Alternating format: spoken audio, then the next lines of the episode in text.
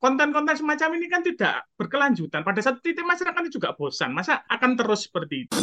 Selama kemudian pertama daya tarik eh, popularitas dan apa namanya keuntungan finansial dari kegiatan-kegiatan semacam itu tuh masih ada dan kuat, maka hanya tinggal menunggu waktu saja akan muncul challenge-challenge baru lagi.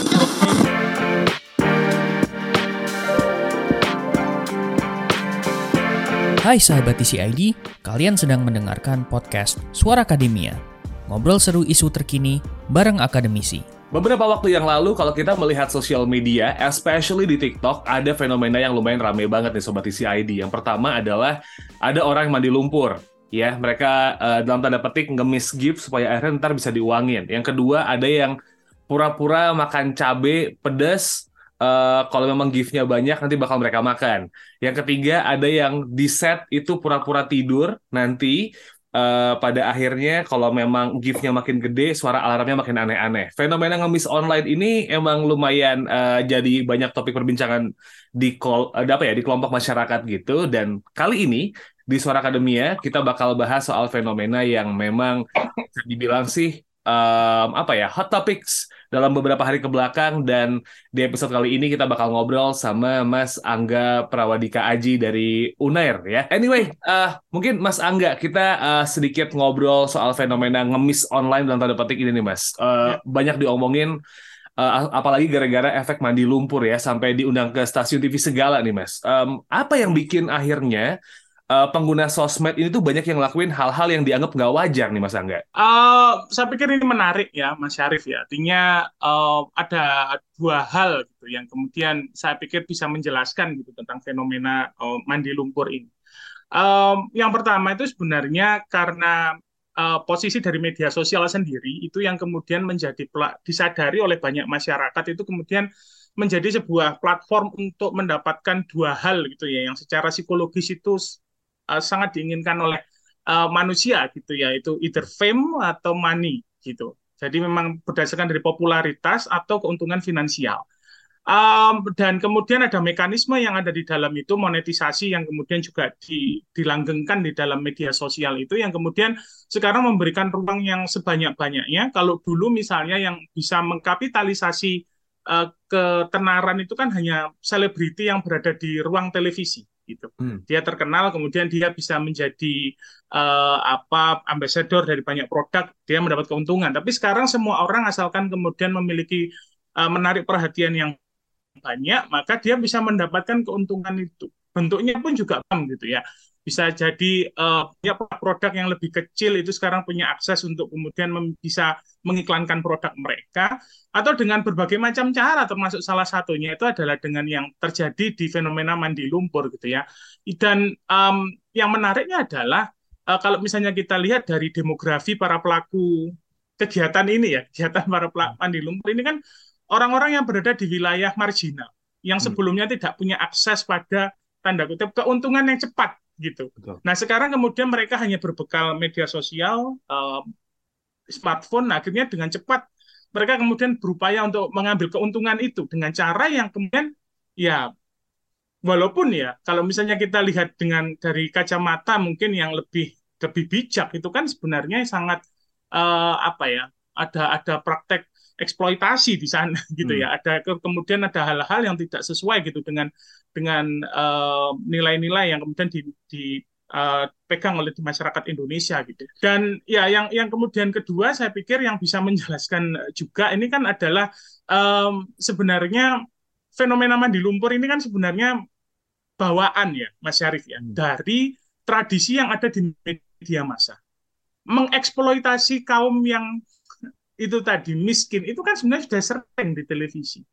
Ada dulu ada acara buat di televisi um, saya nggak nyebut produk ya tapi kemudian ada yang gitu gimana ada masyarakat miskin kemudian uh, ditampilkan dengan nada yang sangat melankolis dengan sangat um, apa mengharu biru gitu ya masyarakat kemudian di apa yang menonton itu jadi terharu yang itu kemudian memainkan porsi itu ya untuk kemudian mendapatkan keuntungan lagi finansial gitu ya. Nah praktek itu agaknya gitu itu kemudian juga dicontoh dibawa ke media sosial uh, pra, apa formula itu oleh masyarakat-masyarakat yang ber, yang berupaya untuk menaikkan keuntungan itu tadi gitu ya. Saya hmm. pikir uh, di satu sisi itu ada sebuah hal yang menarik gitu karena bahwa itu ternyata masyarakat ini berupaya untuk meng, ini ya, meng, saya pikir mungkin berupaya untuk menyesuaikan gitu dengan hmm. apa yang ada muncul popularitas yang ada di televisi dibawa ke media sosial. Gitu. Tapi di sisi lain ya, karena itu tadi isu tentang literasi digital di Indonesia yang kurang gitu ya, sehingga masyarakatnya itu juga lebih menikmati hal-hal yang seperti itu daripada pada konten-konten lain yang saya pikir itu mungkin jauh berguna gitu ya lebih lebih bermanfaat untuk masyarakat mungkin seperti itu Mas Syarif. Ini jadi lumayan menarik sebenarnya Mas Angga dan jadi pertanyaan hmm. banyak orang gitu yang mungkin uh, sudah banyak nonton hmm. konten mungkin dari zaman TV zaman uh, YouTube dulu yang lebih banyak long video and then sekarang kita masuk ke zaman di mana short video jadi raja ya dalam tanda petik. Kenapa ya uh, bisa sampai di titik di mana eksploitasi kemiskinan sama kesedihan ini jadi salah satu konten yang selalu dimakan dalam tanda petik sama market nih, Mas. Iya, um, saya pikir begini ya, karena um, ada ada ketika kemudian um, mem, jadi dalam dalam formula dunia hiburan itu ya, dalam terutama dalam konteks sama disebut dengan reality TV. Hmm. Reality TV itu adalah berupaya untuk menayangkan sesuatu yang sepertinya real ke dalam media gitu ya ada cukup banyak contohnya di Indonesia sangat populer ya. Seperti dulu ada misalnya kalau boleh sebut merek kayak katakan cinta atau tolong dan lain sebagainya disebut dengan reality TV.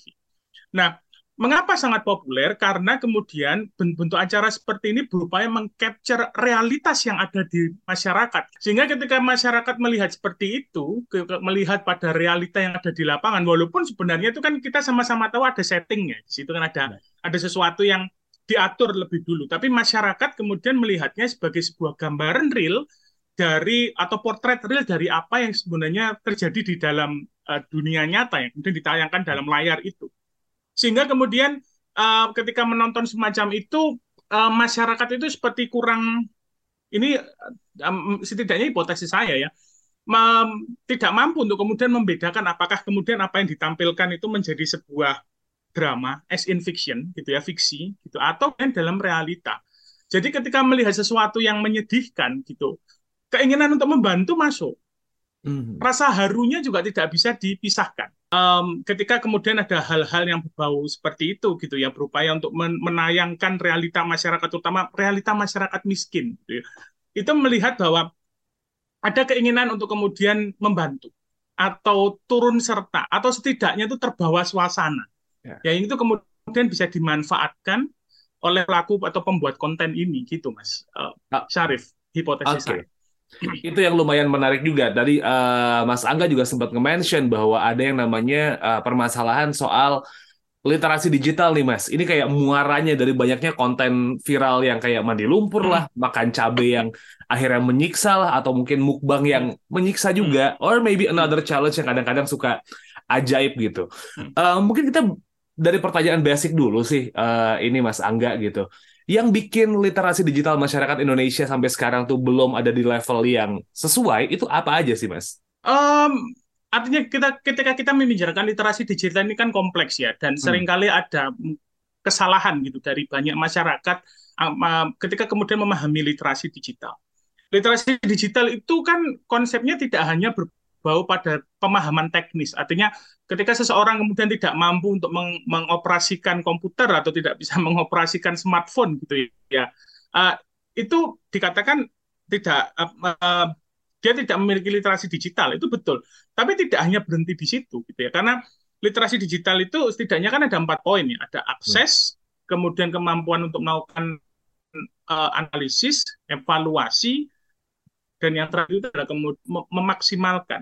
Nah, masyarakat di Indonesia itu kebanyakan pada akses ya, artinya ya teknis saja. Dia tahu cara mengakses konten, dia tahu cara menonton konten, dia tahu konsep-konsep seperti like, follow dan lain sebagainya.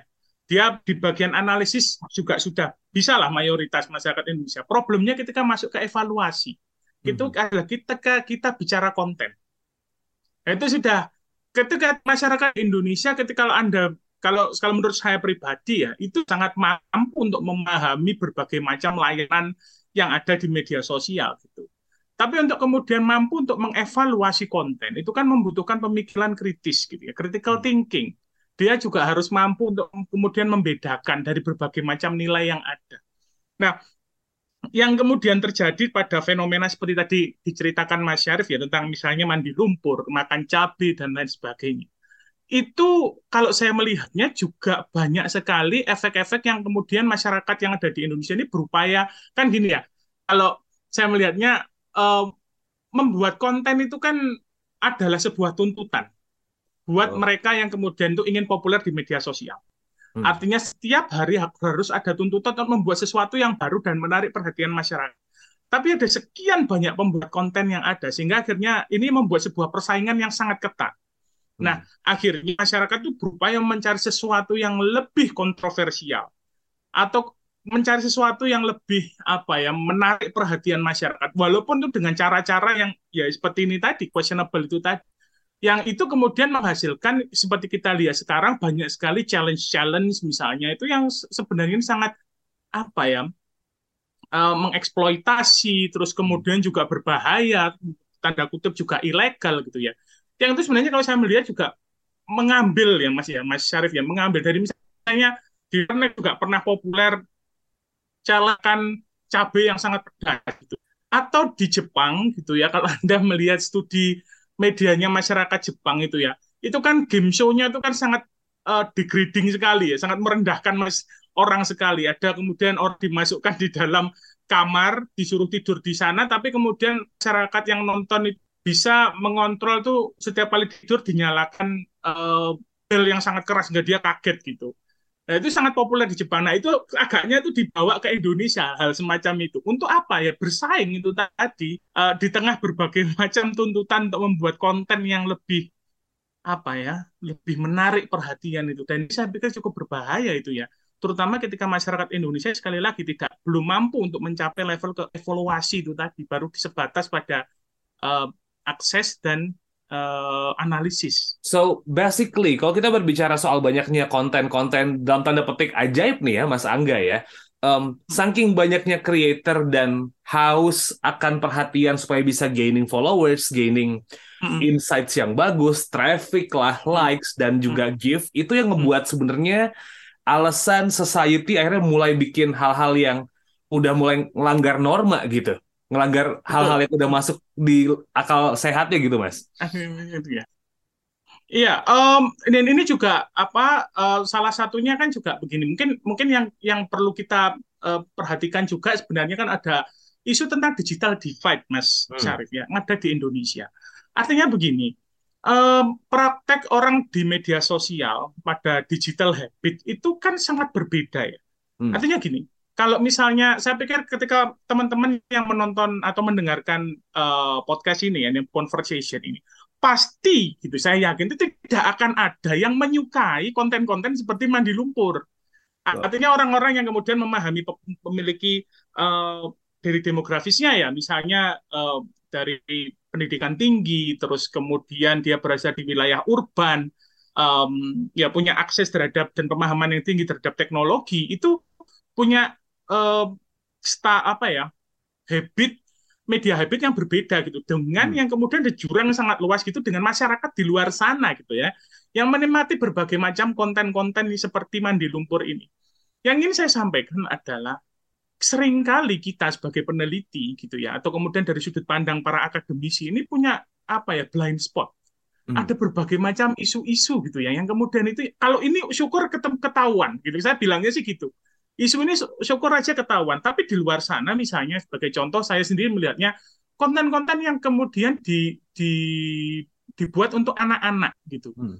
Itu hanya sedikit yang kemudian menyadari bahwa kemudian konten yang kemudian dibawa anak-anak untuk usia yang kecil itu isinya itu juga sudah uh, mungkin melibatkan uh, sesuatu yang apa ya violence, kemudian hmm. ada seksual dan lain sebagainya. Tapi itu juga masih berada dalam titik buta kita dan itu cukup berbahaya. Artinya gini, um, mungkin dalam satu kita harus menyadari bahwa um, apa pemahaman kita terhadap uh, digital habit masyarakat Indonesia itu tidak bisa kemudian diperak. Semua orang suka Twitter, semua orang untuk Instagram, tapi nggak seperti itu. Tapi kemudian kita juga harus memetakan nih hmm. mana yang kemudian uh, orang-orang yang berada di kalangan mungkin ya um, menengah ke bawah, berada di wilayah rural, mungkin yang berada di marginal itu menonton apa sih gitu.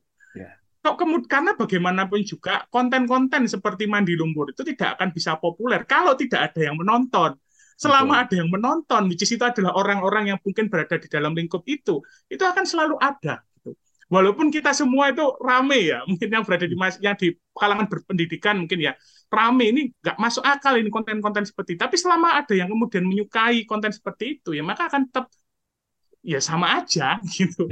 itu yang kemudian penting untuk di, disampaikan. Artinya gini, um, ketika kita bicara tentang satu tren yang berbahaya di media sosial, itu tidak hanya pada pembuat kontennya, tapi juga ada kesalahan, mungkin isunya ya, bukan kesalahan saya melihat, tapi kan isunya juga pada siapa yang menonton.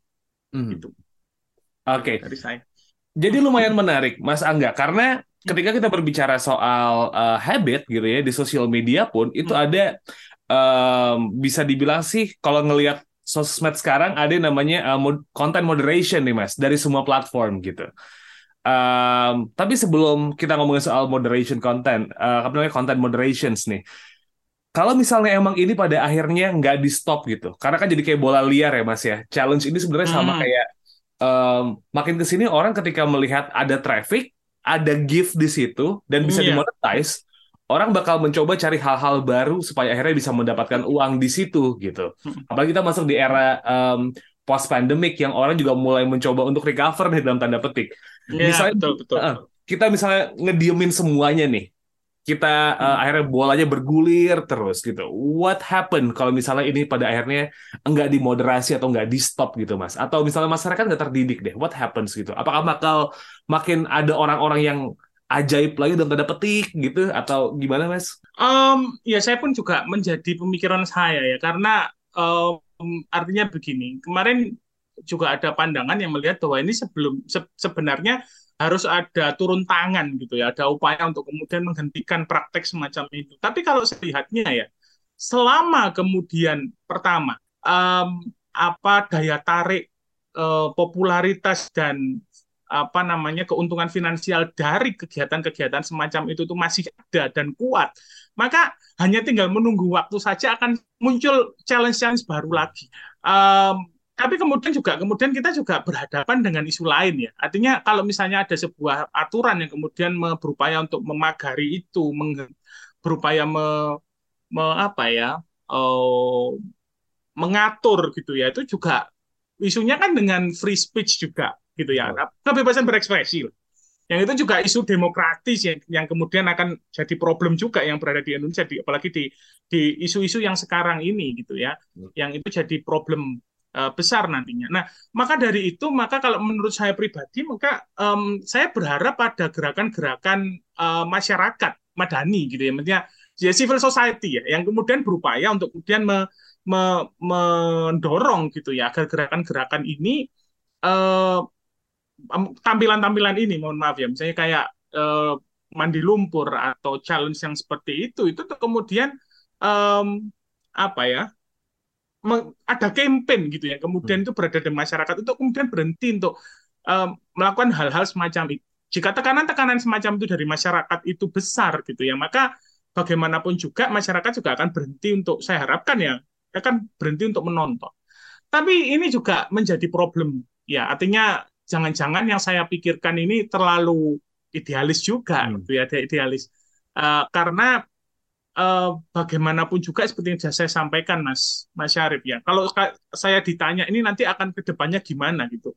Uh, saya lebih melihatnya ini mungkin agak pesimis ya. Pesimisnya adalah bahwa um, apa yang kita lihat sekarang ini adalah kesadaran dari masyarakat-masyarakat uh, yang berada di luar uh, wilayah perkotaan yang dulu sebelumnya adalah pusat dari berbagai macam pembuatan konten ya. Hmm ya kan di Indonesia yang punya kota-kota besar. Sekarang kemudian bergeser ke wilayah um, ya pedesaan, rural. Yang di sana mungkin kalau bisa kita bilang mungkin kontrolnya rendah. Kemudian mereka ini kemudian kurang memiliki yang mereka pahami adalah strategi cara untuk mendapatkan keuntungan yang besar, atensi yang besar, tapi tidak memiliki mungkin pemahaman tentang bagaimana kemudian membuat sebuah tayangan atau konten itu yang uh, mungkin apa ya berkelanjutan. Hmm. Artinya gini, intinya kan juga ini ya konten-konten semacam ini kan tidak berkelanjutan pada satu titik masyarakat juga bosan masa ya. akan terus seperti itu uh, sehingga kemudian yang saya pikirkan ke depannya mungkin kita juga harus um, apa mengingatkan pada masyarakat bahwa konten-konten yang sifatnya kontroversial gitu ya itu tidak bagus dari sudut pandang ekonominya yakin lah gitu hmm. karena itu hanya keuntungan sesaat gitu. kalau misalnya dalam teori celebrity culture itu cuma istilahnya seletoid ya yeah. Ya. uh, selebriti yang kemudian muncul sekali karena viral gitu. Habis itu ya sudah menghilang gitu aja kayak dulu ada Sinta Jojo atau apa gitu ya. Sama juga kurang lebih sama tren-tren semacam ini.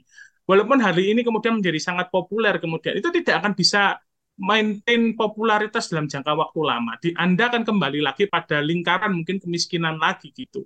Maka harus dipikirkan pada masyarakat ini kalau misalnya konten ini memang bisa dijadikan cara untuk keluar dari lingkaran kemiskinan, maka harus membuat sebuah konten yang uh, berkelanjutan, yang kemudian bisa dimanfaatkan gitu ya. Yang itu penting itu pendidikan itu juga untuk masyarakat di Indonesia. Tapi kalau kita berbicara nilai ekonomi nih, uh, Mas Angga, jelas creator mendapatkan keuntungan di situ karena memang ada yang ngasih gift, ya kan?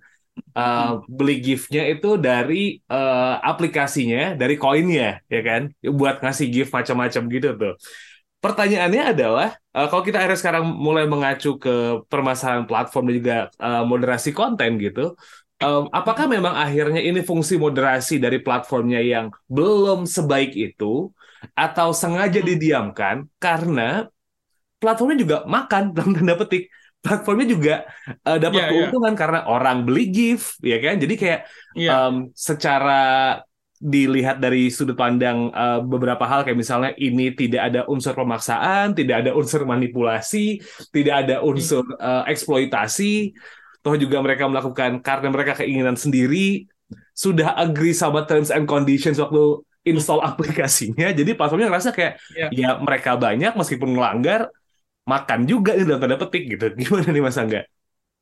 Iya. Yeah. Um, ya yang saya pikirkan juga um, apa dari dari semua ke apa istilahnya ya dari semua keramaian soal isu tentang mandi lumpur ini itu yang kemudian mendapat keuntungan terbesar ya tentu saja dari platform yang penyedia itu lagi gitu yang sering kali dalam pembicaraan itu hanya menempatkan uh, apa si pelaku kegiatan itu sebagai korban gitu ya tapi kan sebenarnya itu kan dari platformnya itu sendiri yang kemudian membiarkan itu uh, ada kan juga si pembuat platform itu. Yang kemudian harus diingat juga uh, dalam untuk membaca masalah ini adalah uh, sebenarnya kan um, kalau kita melihat laporan ya dari tahun 2023 ini mengenai tentang perkembangan media total itu uh, beberapa media sosial gitu ya itu kemudian itu mengalami uh, mungkin penurunan ya Mas Syarif ya yang itu berarti penurunan itu dalam jumlah nah sistem mereka ke eh, sistem ekonominya para platform media sosial dan lain sebagainya ini kan mereka kan sistemnya kan growth ya. Artinya kalau misalnya eh, pengguna barunya itu turun, maka itu berarti walaupun yang kemudian ada yang tetap setia situ berarti itu turun mereka. Nah, sebagai akibatnya mereka berupaya untuk menarik sekian banyak lagi orang itu untuk kembali datang. Gitu loh. Dalam banyak kasus memang betul kecurigaan kita gitu ya bahwa dalam itu dan itu ada cukup banyak Hmm. baik dari media apa uh, dalam bentuk riset maupun dari film dokumenter yang menjelaskan bahwa uh, platform media sosial seperti Facebook kemudian di bawah Meta lah ya uh, Facebook terus Instagram terus kemudian sekarang terutama ada TikTok gitu ya itu yang kemudian memang mereka um, tanda kutip memang menutup mata hingga kemudian ada laporan atau concern itu yang kemudian memaksa mereka untuk menghentikan. Karena um, apa bagaimanapun juga popularitas dari satu isu tertentu itu mendatangkan traffic ya yang yang sudah dijelaskan Mas Syarif tadi itu semakin banyak.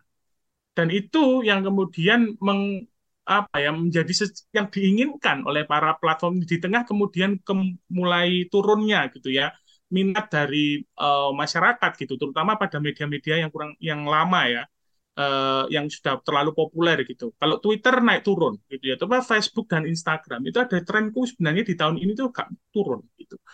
Yang naik sangat tinggi TikTok dan lain sebagainya. Nah itu itu kemudian menjadi sangat tinggi. Jadi kita mungkin um, kalau misalnya dilihat dari sisi moderasinya gitu, uh, dari sisi moderasinya ini sendiri juga problematis. Problematisnya adalah uh, atas tuduhan apa, gitu ya. ya. Untuk kemudian itu dihentikan, gitu ya, untuk itu dihentikan. Karena bagaimanapun juga um, apa uh, platform media seperti kayak Instagram, Facebook, tentu saja kan harus memiliki dasar yang kuat sehingga kemudian mereka harus menghentikan, gitu. Misalnya uh, ujaran kebencian atau kemudian apa. Nah, oleh karena itu maka ini butuh kemudian masyarakat itu untuk kemudian beramai-ramai untuk mendapatkan gerakan tandingan. Itu yang saya harapkan sebenarnya.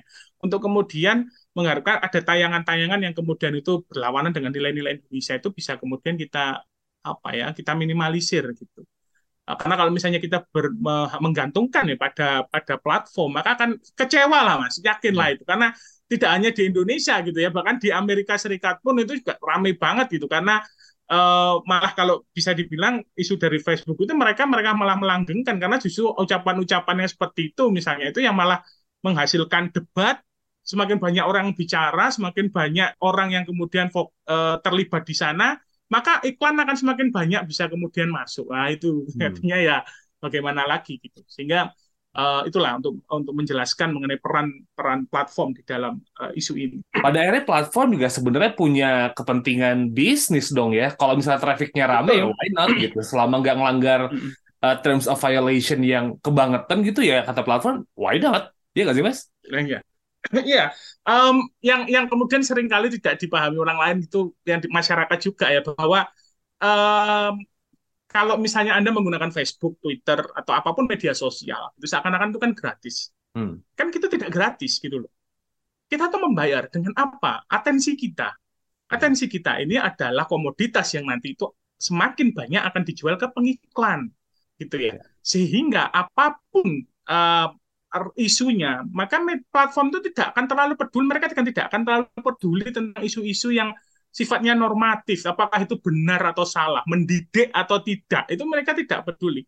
Asalkan kemudian ada sebuah isu yang kemudian menarik perhatian orang dalam menggunakan media sosial, mantengin lebih banyak waktu screen time mereka naik atau dan kemudian mereka lebih engage gitu ya dalam pembicaraan, maka itu berarti adalah porsi bagus karena kemudian dari sudut pandang apa namanya iklan digital yang masuk uh, semakin banyak trafficnya maka harganya kan semakin bisa dinaikkan pada isu-isu penting gitu misalnya.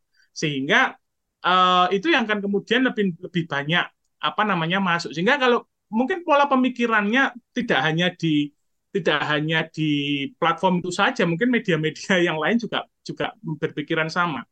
Uh, ketika ada isu semacam ini mereka berupaya memerah sebanyak mungkin gitu ya dari perdebatan ini memerah keuntungan sebanyak mungkin sampai kemudian tren ini turun hmm. gitu. Atau kemudian dipaksa untuk kemudian itu di take down misalnya ya. tapi selama ini kemudian masih menjadi pro peronta mereka akan mendapatkan keuntungan sebanyak-banyaknya nah, itu yang sering kali tidak dipahami oleh uh, masyarakat. Sebenarnya yang dapat duit lebih banyak ya platformnya itu. Selama ada traffic di situ mereka cuan ya mas ya. Mas cuan lah itu ya. Betul kita sudah uh, hampir at the end of the tunnel dari obrolan ini, Mas Angga. Mungkin ada yang pengen disampaikan lagi kah mengenai fenomena ini dan kayaknya ke netizen deh yang biasa megang TikTok karena kadang-kadang FYP nggak bisa ketebak ya algoritmanya gimana gitu. Iya, um, untuk untuk teman-teman mungkin yang ingin saya saya ingatkan bahwa uh, artinya begini, ke depannya Anda akan melihat jauh lebih banyak cara gitu ya uh, yang di cara yang dilakukan para pembuat konten ini akan jadi semakin seperti disampaikan Mas Syarif tadi ya, aneh-aneh. Karena apa? Kita melihat bahwa um, dan saya yakin siapa pun yang yang menonton acara ini dan menggunakan media sosial, Anda sebenarnya sudah mengalami fatigue, kelelahan. Ada begitu banyak konten. Pada satu titik Anda kemudian melihat satu konten dulu rasanya ketawa, mungkin sekarang cuma gitu tuh. Karena ada begitu banyak konten yang ada. Anda merasa desensitize ya rasa sensitivitas kita terhadap konten-konten semacam itu tuh lama kelamaan itu akan apa ya uh, kehilangan rasa sensitif itu dan kita akan meminta sesuatu yang lebih. Nah, itu harus diwaspadai teman-teman semua gitu ya. Agar kemudian kita tidak terjebak pada hal-hal yang kemudian itu hanya berbau kontroversial atau uh, berbahaya gitu ya. Kita harus menyadari bahwa mungkin konten yang kita terima setiap hari itu begitu banyak itu itu punya efek yang besar terhadap bagaimana kita melihat dunia dan bagaimana kita merasakan dan saling berbaur dengan orang di sekitar kita. Mungkin seperti itu, Mas. Oke. Okay. Thank you so much Mas Angga Prawadika Aji dari Universitas Airlangga. Udah sharing banyak banget nih Mas. Ini obrolan yang kayaknya sebenarnya mungkin sekarang di lumpur, mungkin 5-6 bulan lagi ada challenge apa lagi ya tiba-tiba mungkin bisa jadi sponsor omongan ini ya. We'll never know. Iya. Oke, okay. Sobat ID juga kalau misalnya emang uh, pengen tahu berita-berita yang menarik dari Conversation Indonesia, don't forget to follow our social media. Ada di at Conversation IDN, itu ada di Instagram, uh, TikTok, we're there. kita juga ada di Twitter dan cek website kita di uh, theconversation.com/id. Nama saya Muhammad Syarif, as podcast producer dari The Conversation Indonesia. I'll see you on the next episode. Wassalamualaikum warahmatullahi wabarakatuh. Kalian telah mendengarkan podcast Suara Akademia, ngobrol seru isu terkini bareng akademisi.